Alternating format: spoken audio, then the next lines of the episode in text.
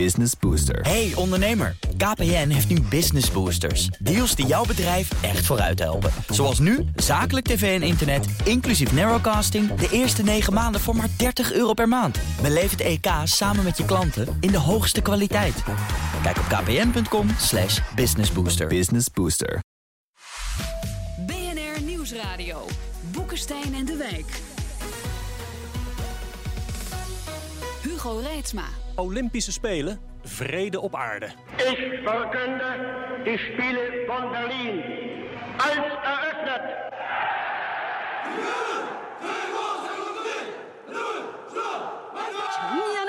The Russian Olympic uh, Committee is suspended with immediate effect. Duizenden op het veld en nog eens zo'n aantal op de tribune, uitgerust met gekleurde stukjes textiel, verzorgden een onwaarschijnlijk schouwspel van wisselende decors. Ping pong was invented on the dining tables of England. And I say to the Chinese, and I say to the world, ping pong is coming home. De Olympische Spelen in Korea zijn geopend en de Spelen hebben natuurlijk niets met politiek te maken. Dat staat in het Olympisch handvest.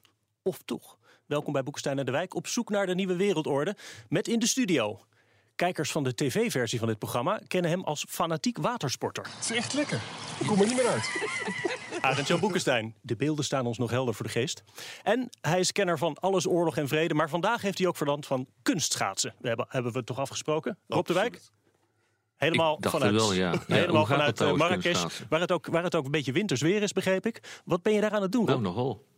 Nou, ik ben bij de Marokkaanse Veiligheidsconferentie. Dat is een hele grote conferentie waar echt honderden mensen komen uit heel Afrika, maar ook uit Europa, uit, uit, Amerika, om eh, te praten over eh, de veiligheidssituatie in, eh, in Afrika. Nou, dat is natuurlijk nogal een belangrijk vraagstuk hier. Het is het cont- continent waar mogelijk, eh, mogelijkerwijze komende decennia de grootste veranderingen gaan plaatsvinden. Door strijd om grondstoffen, bevolkingsgroei, migratie. Eh, het, het onvermogen om landen goed te besturen, waardoor ze eh broedplaatsen worden van, eh, voor terroristen. Eh, problemen met buitenlandse basis eh, die hier eh, zijn, waardoor eigenlijk de nationale regeringen steeds minder grip op hun eigen land eh, krijgen. Kortom, een heel palet aan, eh, aan ellende. En daar gaan we gezellig een paar dagen over praten. Waarmee de strategische kennis in elk geval aan tafel hier wel goed zit. Gelukkig hebben we daarnaast ook sporthistoricus, schrijver bij sportgeschiedenis.nl... en famously de enige Amsterdammer die is afgestudeerd op Feyenoord, Jurrit van der Voren. Ja. Ook van de wintersport eh, trouwens, jij Jurrit? Dat vind ik ook eh, leuk. Als het maar over de politieke en maatschappelijke achtergrond eh, van, van de sport gaat. Want mijn afstuderen over Feyenoord ging niet zozeer in het algemeen of ze goed kunnen voetballen. Maar dat ging erover van wat gebeurde er met een Rotterdamse volksclub in de crisisjaren van 1930, in de Tweede Wereldoorlog en in het herstel. Hoe doorstaat een voetbalclub in Rotterdam-Zuid de Tweede Wereldoorlog? Daar ging het Ja, mij om. Sport en maatschappij, waar we het hier natuurlijk ook voldoende over hebben. Want de spanningen tussen Noord- en Zuid-Korea zijn natuurlijk hoog. Maar jij hebt laatst een stuk geschreven over hoe dat de vorige keer misschien nog wel ietsje meer was. Precies 30 jaar geleden was Zuid-Korea ook gastheer van de Olympische Spelen. Toen de Zomerspelen, Seoul 1988, het doping van Johnson. We hebben hem nog wel voor de ogen staan. Maar politiek was dat een heel zwaar beladen evenement. 1981 wees het IOC dat toernooi aan, aan Zuid-Korea. En dat was meteen al een soort van eh, ja, een tijdbom, politieke tijdbom op het Koreaanse schiereiland. Want Ja. je moet je voorstellen van het grootste sportevenement ter wereld... dat wordt gegund aan een verdeeld land. Daar zijn maar drie voorbeelden van bekend in de hele Olympische geschiedenis. München, 1972, West-Duitsland, DDR. En nou Korea nu en in 1988. Dat zijn gesplitste landen. Dat zijn twee landen die permanent vijandig tegenover elkaar staan. En dan krijg je dus het grootste sportevenement. En dat betekende voor eh 30 jaar geleden dat de CIA en alle geheime diensten... die hadden hun handen vol eraan. En dat kan je nou teruglezen, omdat die documenten vrijgegeven zijn. Die kan je gewoon op internet zoeken. En dan ga je eens even Ja. kijken van... wat was de inschatting van de CIA in 1985... en hoe keken ze in 1987 naar de situatie op het Schiereiland... en welke rol speelden die Olympische Spelen Ja, mooi. Nu natuurlijk, hè, door het eh, Noord-Koreaanse raketprogramma is het allemaal heel erg eh, spannend omtrent eh, die regio. Ook natuurlijk de onvoorstel, onvoorspelbare reactie van Trump. Hoe, Arend-Jan, hoe risicovol is het op dit moment, zou jij, zou jij denken? Nou, eh, eh, nog maar een paar dagen geleden heeft eh, de Amerikaanse president gezegd dat hij de sancties wil verhogen voor, Noord-Korea. Dus de situatie is zeer gespannen. Dus we hebben nu een, we hebben een, een, geopolitieke setting in die spelen die eigenlijk heel in- interessant is. Hè. Om het heel kort uit te leggen. Zuid-Korea heeft een, heeft een premier of een president, Moon heet hij. Die wil eigenlijk, die vindt de Amerikanen te agressief. Dus die wil graag wel een ouverture doen bij Noord-Korea. Voor zover dat helpt. Noord-Korea komt dat ook wel uit. Nou, Abe is er van Japan. Die is ontzettend kwaad dat hij raketten in zijn richting krijgt. Dus die zegt, heeft tegen Moon net gezegd van luister eens... eh, je moet wel wat eh, strenger zijn tegen Noord-Korea. Nou, Pence is er ook. Die is samen met de vader van die student, Amerikaanse student Warmbier... die dus eh, jarenlang daar in detentie zat. En daarna is overleden. En daarna Ja. is overleden. Dus Amerika zit daar dus ook echt heel erg koude oorlog in. Ja. Dus het is heel ingewikkeld. Waarbij dus, dus door de Zuid-Koreaanse Amerikaanse spanningen... Zuid-Korea zelf ook Noord-Korea heeft uitgenodigd. Ja. Maar laten we één ding eh, met elkaar afspreken. Dit gaat niet leiden tot wereldvrede. Nou, nou dat, dat moeten we nog afwachten. Hey, Rob, als jij zo kijkt, hè, Noord-Korea zet nu natuurlijk wel een, een beetje een vriendelijk gezicht op. Die stuurt allemaal schattige zangeresjes, bussen vol cheerleaders. Is er iets van een Olympische detente? Ja, dat kun je wel zeggen. Ik vind dat eh, Kim Jong-un het fantastisch speelt. Er wordt eh, voortdurend eh, gekeken naar eh, dat land alsof dat geregeerd wordt door een of andere totale halve garen.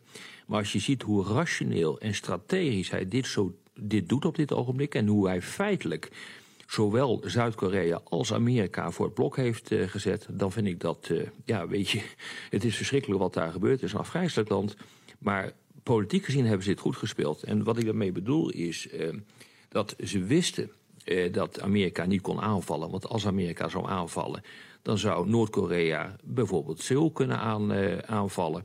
Met als gevolg dat er ongehoorde schade en een verschrikkelijke tragedie zou ontstaan in dat eh, land. Dus eigenlijk door het, het nemen van, het, het, het nemen van Zuid-Korea als een gijzelaar hebben ze het voor elkaar gekregen dat ze nu mee kunnen doen aan eh, de Olympische Spelen.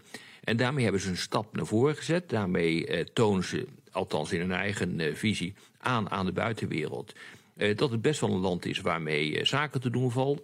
We mogen ook niet vergeten dat Kim Jong-un nog niet zo lang geleden, een paar weken geleden, heeft geroepen: Nou, misschien moeten we maar weer eens gaan praten over die Koreaanse eenwording. En dan krijg je dit, deze verbroedering. Het wordt steeds lastiger voor de internationale gemeenschap om druk uit te oefenen op Noord-Korea. En ja, politiek gezien is dat wel, wel handig gespeeld, moet ik zeggen. Ja, Arjan? Dat is een heel belangrijk punt. Eh, luister. Noord-Korea is erin geslaagd om, de spanningen tussen Zuid-Korea en Amerika een beetje te vergroten. Het is natuurlijk geweldig. Hè? Ja. En dat gebeurt dus in een week waarin eh, Kissinger heeft gezegd van... nou, ik vind een, een preventieve aanval vind ik rationeel. Iedereen schrok zich een hoedje. Ik denk dat dat dus helemaal niet rationeel is... maar dat het alleen maar wordt gedaan om de druk op te hogen. Maar moet je je voorstellen... eh, Zuid-Korea heeft altijd al wat spanningen met Amerika gehad om allerlei redenen. Dat is nu uitgebuit door Noord-Korea. Dus eh, Rob heeft volkomen gelijk. Het is heel slim gespeeld. Gerrit? Wat, wat heel opvallend is met 30 jaar geleden, ik weet niet of dat bewust is in Noord-Korea, maar is dat ze een compleet andere strategie hebben gevoerd voor deze Spelen in vergelijking met Seoul 88. Want daar was Noord-Korea absoluut de grote verliezer diplomatiek. Zij dachten nog in het communistische tijdperk, de muur stond nog, alles en iedereen vanuit het Oostblok wel mee te krijgen. Dat ook China mee zou doen met de boycott van Zuid-Korea, dat de Sovjet-Unie mee zou doen. En één voor één, het was de tijd van Gorbachev, zeiden ze: nee, Noord-Korea, we doen niet mee. Jij bent gewoon niet belangrijk voor ons genoeg om ruzie te maken met het Westen. En ze gingen allemaal naar Zuid-Korea. Ze gingen ook al de Aziatische landen als China naar de Aziatische Spelen, die als een generale repetitie in eh, Zuid-Korea werden gehouden in 1987. En dat was voor Noord-Korea het moment waarop ze zagen: we zijn de aansluiting kwijt met ons eigen communistische machtsblok. Ja. En dat is het begin van hun isolement geweest, die Spelen van 88. En of het nou bewust is of niet, in ieder geval de strategie die nu gevoerd is door Noord-Korea, staat daar haaks op. En machtspolitiek gezien hebben ze inderdaad aanzienlijk meer bereikt dan wat ze 30 jaar geleden hebben gedaan. Want toen hadden ze alleen, ik geloof, Cuba en Nicaragua die zeiden van hup Noord-Korea. Ja. Ja, daar win je de, de revolutie niet meer mee. En wat ze nu gedaan hebben is dus opvallend anders. En er is nog eigenlijk En een ze hebben een bom, dat helpt. ze hebben een bom. Maar er is één ding. Als je eh, gewoon even kijkt naar hoe de Olympische Spelen worden georganiseerd. En vooral over vier jaar. Ik wist een half jaar geleden al dat Noord-Korea niks zou gaan doen gewelddadigs. Tijdens de Spelen van Zuid-Korea. De volgende organisator van de Winterspelen is China, Beijing. China is het enige nog overgebleven kameraad, moet je dan geloof ik in dat jargon zeggen, van Noord-Korea internationaal. En China heeft er alle belang bij dat deze winterspelen perfect verlopen, omdat de informatie die ze hier bij elkaar zoeken, is de meest waardevolle informatie die ze kunnen krijgen voor het organiseren van hun eigen winterspelen. Dus die zijn nu overal informatie aan het kopen, aan het rondkijken. En als dan een aanval op de Spelen in Zuid-Korea komt, worden eigenlijk ook hun voorbereidingen verstoord voor de winterspelen van Beijing. Dus het, staat, het kan gewoon niet Nou ja. anders van het één keer per dag komt er weer een geheime agent binnenlopen bij Noord-Korea. En je houdt je gedijst, want onze spelen moeten Ja. vlekkeloos verlopen. Dus laat hoe Zuid-Korea met handig, rust. het, hoe, handig ze het, hoe handig ze het op dit ogenblik eh, spelen, dat blijkt ook uit de samenstelling van hun teams. Eh, niet alleen hebben ze natuurlijk een gezamenlijk sportteam. Nou, oké, dat is één punt. Ik moet nog eh, zien wat het allemaal gaat opleveren. Maar dat is denk ik niet het allerbelangrijkste. Wat veel belangrijker dan dat sportteam is. Dat zijn, eh, dat zijn al die cheerleaders eh, die zijn overgekomen Is dat het vanuit belangrijkste? Noord-Korea. Ik bedoel, dus, ja, dat Ja, denk ze hebben ik wel. geleerd van dat is Los namelijk Angeles ongeveer 84. Ja. ja, dit, is nog zo ongeveer het enige exportproduct wat eh, Noord-Korea heeft. Dat is wereldbekend, wereldbefaamd. Geen boycott op. Ja.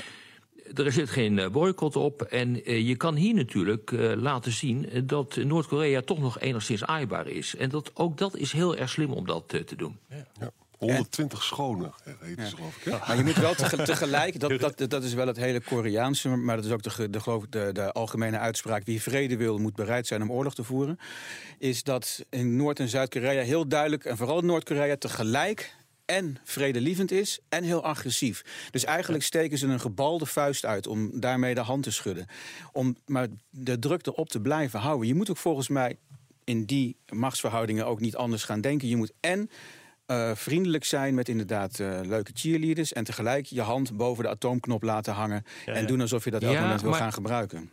Maar ondanks jouw voorspelling, Jurrit, eh, heeft Zuid-Korea wel rekening gehouden met het een en ander. Ik las 50.000 soldaten paraat. Dat is volgens mij meer dan het hele Nederlandse leger bij elkaar. In 1988 hadden ze een grotere ordendienst dan de complete West-Duitse leger bij elkaar. hè? De, de Bundesweer had minder soldaten dan er werden ingezet in, in, Ja. in- in Zuid-Korea in 1988. Daar was meer beveiliging. Dan hadden ze genoeg beveiliging om Nederland gerust een paar jaar mee te kunnen bezetten. Maar zijn er overigens, want we hebben het nu de hele tijd over Noord-Korea, maar er zijn misschien ook andere veiligheidsrisico's. Je hebt ook nog allerlei soorten terroristen. Zijn er dat soort risico's bij deze spelen, denken jullie? Ja, die zijn er heel veel. Sowieso zijn er ongeveer per seconde 20 eh, digitale aanvallen op elk internetsysteem van het IOC en van de Olympische Spelen. Dat gaat maar door. Dat is al sinds 2000 Sydney is dat permanent. Dat, er zijn elke keer eh, van die eh, DOS-aanvallen en allerlei andere informatieaanvallen op het, de systemen van de Olympische beweging. En dan ongetwijfeld zijn er nog andere terroristen die even een moment Ja. of fame proberen Ja, te Rob, krijgen. jij zit daar te vergaderen over jihadisten. Zie- Zou dat nog een, een Ja, punt van zorg moeten zijn? Ja, maar dat zijn, dat zijn risico's die kun je redelijk indammen. Dat geldt ook voor eh, die digitale risico's die net eh, zijn eh, genoemd. Dat kun je redelijk indammen. Dat, daar, kun je, daar kun je feitelijk eh, scenario-analyses op loslaten. En dan eh, weet je gewoon wat je moet doen. Dus eh, dat kan, maar daar ben ik niet zo bang voor dat dat helemaal fout gaat. Ik bedoel, het zijn niet wat dat betreft eh, de Spelen van 1972 München... waar acht Palestijnse terroristen eh, het eh, Israëlische kamp eh, binnenvielen. vielen. Of die van Omdat ze 1968, 200 hè, waarbij gevangenen- 300 studenten werden doodgeschoten voor de openingsceremonie. Ja, ja, exact. Ja, goed, in dit eh, 72 is denk ik wel een van de zwartste bladzijden wat dat betreft. Want daar was het de bedoeling van terroristen om 200 gevangenen in Israël eh, eh, vrij eh, te krijgen. Dat is niet gelukt. Er zijn wel heel veel doden bijgevallen. Dus dat is denk ik wel een van de allergrootste dieptepunten. En ik denk ook dat van die spelen enorm veel is geleerd. Ik weet ook dat die veiligheids... eh, maatregelen gigantisch zijn opgeschroefd de afgelopen jaren. Eigenlijk alle spelen, dat zijn vestingen geworden. Daar kom je niet zomaar in. BNR Nieuwsradio. Boekenstein en de Wijk.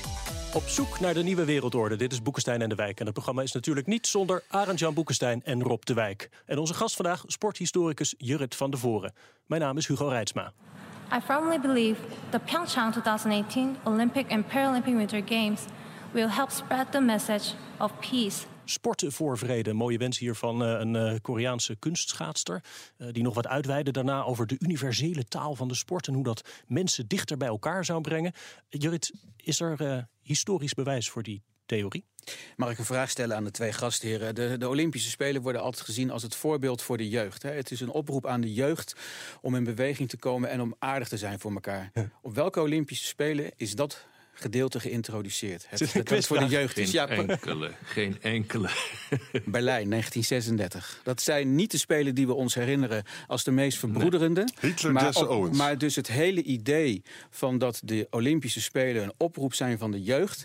is in 1936 geïntroduceerd op de Olympische Spelen. Daarvoor werd het nog niet gebruikt. Samen, samen met de, de, de, de vlam uit Athene, toch? Dat was toch ook een nazi-uitvinding? Ja, ja, ja, het, de- het Olympisch vuur zelf, brandend vanaf de openingsceremonie tot aan de sluitingsceremonie, is een Nederlandse uitvinding. Dat is eh, bedacht door ar- architect Jan Bij het Olympisch Stadion. Daar staat een marathontoren ervoor, 46 meter hoog. En bovenop die koepel, daar brandde in 1928 het Olympisch vuur. Beter gezegd, daar kwam Olympische rook uit. Want het werd pas vuur na zonsondergang. Dus het was Ja. rook overdag en vuur als het, eh, als het weer donker werd. Maar daar was nog geen fakkeloptocht. Dat is bedacht door Karl Diem, de Duitse Olympische leider. En die heeft dat geïntroduceerd voor de Olympische Spelen van 1936. Dat vanuit Olympia eh 3000 toortslopers naar Berlijn zijn gerend. Waarbij ook heel veel vechtpartijen onderweg zijn geweest. Tussen eh, nationaal-socialisten en antifascisten. Er is in Wenen zelfs een pogrom geweest toen het Olympisch vuur daar arriveerde. En daar zijn de diplomatieke spanningen tussen Duitsland en Oostenrijk gigantisch opgelopen. Het was vlak voor de Anschluss. Duitsland deed alles om Oostenrijk te destabiliseren en gebruikte er zelfs het Olympisch vuur voor. En ehm, zo is dat in 1936 geïntroduceerd. 3000 kilometer tussen de hakenkruisvlaggen door van Olympia naar Berlijn vervoerd. En nu als het symbool van verbroedering en vrede al een, een onaantastbare traditie. Ja, de wereldvrede heeft het nog niet gebracht. Heeft het ook wel eens eh, misschien per ongeluk toch iets goeds eh, voor elkaar gekregen, die Spelen? Ja, dat vind ik één heel ding echt heel belangrijk van de Olympische Spelen. Dat zijn dan de Paralympische Spelen. Is dat wereldwijd de positie van gehandicapte mensen is verbeterd vanwege de Paralympische Spelen. Dat heel veel landen daardoor in aanraking zijn gekomen met eh, gehandicapte mensen in hun eigen land, die vaak politiek niet eens bestonden. Hè. In 1980, de Sovjet-Unie wilde wel de Olympische Spelen organiseren in Moskou. Maar ze zeiden in het socialisme bestaan geen gehandicapte mensen. Die hebben we niet. Dus we hoeven ook geen sportevenementen te organiseren. Daarom werd het in Arnhem georganiseerd. Daar zijn ze ook daar een beetje gelukkig overheen gekomen... van dat er echt wel gehandicapte mensen bestaan. En ook in Nederland zie je dat de positie van gehandicapte mensen... via de sport heel Ja, erg is verbeterd. Dat vind ik een heel belangrijk pluspunt van de Olympische beweging... de Paralympische beweging. Wereldwijd de gehandicapte mensen een positief eh, bijdrage hebben geleverd. Ik denk trouwens ook, eh, we hebben het dan over eh, Berlijn 36. Je had natuurlijk ook, eh, wat was het, WK in 2006 in Duitsland. Toen zag je eigenlijk ook wel een beetje een soort mooi nationalisme. Namelijk dat ze, een beetje over, dat ze zich weer een beetje een normaal land durfden te voelen daar. Ja, dat je heel trots bent op je team en erkent dat er op een gegeven moment iemand anders beter is. Zoals dat ook gebeurde toen, want ze werden geen wereldkampioen. Maar eh, ze, ze- het was wel een heel mooi evenement. Dus nationalisme hoeft niet per definitie eh, negatief te zijn. Nee. Het, het kan ook zijn met respect voor de tegenstander. Niet per se slecht, wel denk ik per se bruikbaar voor politici. Ja, je zou, zou kunnen zeggen van... eh van, van, Clausewitz zegt eh, oorlog is het voortzetting van politiek met andere middelen. Je zou kunnen zeggen Olympische Spelen is een voortzetting van politiek met andere middelen. We zien dus nu Mhm. in, in eh, dat Zuid-Korea en Noord-Korea wat verbroederen... Omdat, ze, omdat er spanningen zijn tussen Zuid-Korea en Amerika... en dat Apen dat allemaal niet goed vindt. Het effect hiervan, laat ik iets wild zeggen, dat is leuk. Het effect van deze Olympische Spelen zou kunnen zijn dat... Kijk, wat wil Noord-Korea? Als je naar de afgelopen 20, 30 jaar kijkt... die heeft steeds gedreigd, allemaal toestanden. Maar uiteindelijk hebben ze energie nodig en ze hebben voedsel nodig. Er zijn gewoon er zijn hongersnoden in Noord-Korea. We praten daar niet meer over. Uiteindelijk willen ze dat natuurlijk ook weer. Dus er moet een moment, een intelligent moment van ontspanning komen... waarbij ze even weer dingen gaan beloven... die ze natuurlijk ook weer niet gaan nakomen. Nou, dat, die, die Zuid-Koreaanse, Noord-Koreaanse verbroedering... zou een eerste stap kunnen zijn in zo'n proces. Maar dat zou misschien zonder de Olympische Spelen ook zijn gebeurd. Ja. Rob, wij, Ja, stonden niet, bij, bij, de, bij de boekpresentatie van Jan, hè, van eh, de Trump-fluisteraars. Koop dat boek. Eh, had jij het over hoe kort na de eh Sochi-spelen eh, Rusland interveneerde in de Krim? Drie uur. dat was drie uur Drie na de uur? slotceremonie reden de tanks door de Krim. En de Nederlandse chef de mission, Maurits Hendricks, die zei... en de Russen zijn zo aardig en ze glimlachen allemaal Ja. naar ons. Ja, god, dus tot 300 kilometer prikkeldraad om dat hek heen. dat, dat was de Ja, maar gastvrijheid. daar- Ja. daarmee, zie je dus, daarmee zie je dus ook hoe snel eh, je de, eh, het, datgene wat je wilde bereiken eh, met die Spelen kunt verkwanselen. Sochi is daar een fantastisch voorbeeld van. Want inderdaad, die tanks reden vrij snel door, door Oekraïne. Ehm, eh, annexatie van de Krim hebben we vervolgens vrij snel gezien. Uh, maar je ziet ook dus, uh, Sochi is een fantastisch voorbeeld om te zien hoe Poetin geprobeerd heeft door middel van die spelen zijn eigen status te verhogen. Dus het land ging op zich goed. het geld kwam het bakken binnen vanwege de hoge olieprijzen. de middenklasse die begon daarvan te profiteren. Het, Rusland had het idee van, nou, we hebben de grootste ellende wel achter ons. En om aan te tonen dat het inderdaad fantastisch gaat en dat Rusland weer terug is, is op het uh, wereldtoneel, werden die Spelen in Sochi uh, gehouden. Maar tegelijkertijd denk ik dat uh, Poetin zijn hand overspeeld heeft door toe te staan, of mogelijk wel, wel te, mogelijkerwijs te initiëren, dat er op een ongekende schaal een dopingschandaal zich begon te voltrekken.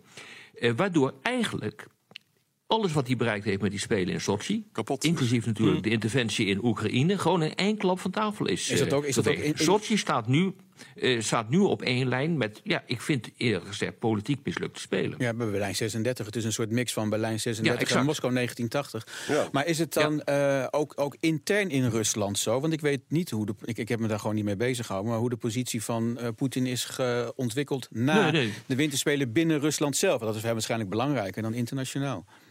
Uh, nou, nee, want hij is op dit ogenblik internationaal bezig. Ik geef onmiddellijk toe dat uh, zijn positie internationaal niet is verzwakt. Uh, want zeker als de buitenwereld tegen je tekeer gaat, ook over dit do dopingschandaal, is er een natuurlijke neiging bij de bevolking om achter Poetin te gaan staan. Maar waar het natuurlijk gewoon om draait, is dat het, de internationale betrekkingen en de relatie in het bijzonder met Rusland totaal verzuurd heeft de afgelopen, de afgelopen jaren. En dat is ook weer niet goed hoor voor, uh, voor Poetin, want daarmee krijgt hij gewoon internationaal politiek minder voor elkaar. En ook, en ook, nationaal is er een probleem. Er zijn prachtige filmpjes. Uh, dan zie je Poetin uit een vliegtuig komen. En dan praat hij met de jongens die Sochi, aan de aannemers die Sochi hebben gedaan. Nou, zoals we allemaal weten is er waanzinnig veel geld. Is totaal in rook opgegaan. Hè? En dat is voor Poetin altijd gevaarlijk. De binnenlandse politieke corruptie is zo groot, waar hij zelf een onderdeel van is. Dat leidt tot tegenspraak. En dat is ook Poetins grootste angst. Het is niet de bedoeling dat Russen zich tegen Poetin keren. Ik denk dat voor de slotceremonie, en dan heb ik niet van mezelf... maar van de Duitse journalist Hajo Seppelt... die al die schandalen in de Russische doping heeft, uh, naar boven heeft gebracht voor de AD... die zei op het moment dat die schorsing kwam van, van het Russisch Olympisch Comité... waarom ze nou achter de neutrale vlag lopen... nog voor de slotceremonie van deze winterspelen... is Rusland weer aangesloten bij het IOC. En het lijkt ook inderdaad die kant op te gaan... dat bij de slotceremonie dat diezelfde Russische ploeg die vandaag achter de neutrale Olympische vlag liep, over 17 dagen achter de Russische vlag loopt. En dat het weer voorbij is, die schorsing. Dat denk ik ook. Ja. Mm -hmm. Zo snel gaat dat. Dat denk ik ook. Nou ja, ik kan er ook niet eeuwig mee door blijven gaan. Maar dat geldt feitelijk voor alles wat er de afgelopen decennia is uh, gebeurd. Ik heb het even op een rij uh, gezet. Dan moet je toch constateren dat er eigenlijk wel iets aan de hand is met vrijwel elke Olympische Spelen gedurende, ja, de, nou, gedurende de meer dan, uh, meer dan 100 jaar. Continu zijn de boycotts. Uh, 1980, volgens mij is het al genoemd. 60 landen, uh, inclusief Duitsland en Japan, uh, die omdat Moskou een interventie had uitgevoerd, uitgevoerd in Afghanistan, kapten met die spelen en niet bij waren. Tijdens de Koude Oorlog continue problemen. Eigenlijk was het gewoon Koude Oorlog met andere middelen. Ja. Landen die een verbod krijgen om, uh, om mee te doen. 48, Duitsland en Japan, gezien de Tweede Wereldoorlog. Zuid-Afrika is heel erg lang, meer dan 30 jaar lang. Uh, verboden om mee te doen aan de Olympische Spelen. Protesten continu. Uh, uh, de laatste Spelen in China zijn al even genoemd. idem dito, mensenrechten. Het gaat maar door. Het is gewoon, ja, het is gewoon puur politiek. Ja. Dankjewel Rob. Ik vind het een, een mooi slotwoord dat we de Olympische Spelen nu bij het begin kunnen neerzetten als een totaal cynisch evenement, behalve voor gehandicapten. Dit was weer Boekenstein naar de Wijk. Namens Arend-Jan Boekenstein en Rob de Wijk zeg ik dank voor het luisteren. Speciale dank aan sporthistoricus Jurrit van de Voren. Krijg je nou geen genoeg van dit programma? Abonneer je dan op de podcast. Dan kan je alle afleveringen terugluisteren. En laat een recensie achter in iTunes. Dan zijn wij makkelijker vindbaar voor andere luisteraars. En Arend-Jan, je hebt nog wat reacties gezien. Zeker meneer Marcel Cloud, 145. Lopen dus nog 144 van rond. Leuke uitzending, maar helaas heb je de tijdsduur niet verlengd. Nou, dat moeten we even aan George Vreulig vertellen. Hè? En dan staat daaronder nog en fuckroeper. Pardon, fuckroeper vraagt zich af waarom hij nog steeds door Rob en Arend Jan wordt geblokt op Twitter. Oh. Nou, er is vast een hele goede reden voor dat die jongen geblokt is. Dus die kan het schudden. Wie weet. Het laatste woord van deze uitzending is voor die enthousiaste Noord-Koreaanse nieuwslezer.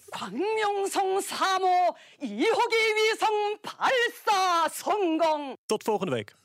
Business Booster. Hey ondernemer, KPN heeft nu Business Boosters. Deals die jouw bedrijf echt vooruit helpen. Zoals nu, zakelijk tv en internet, inclusief narrowcasting... de eerste 9 maanden voor maar 30 euro per maand. Beleef het EK samen met je klanten in de hoogste kwaliteit. Kijk op kpn.com businessbooster. Business Booster.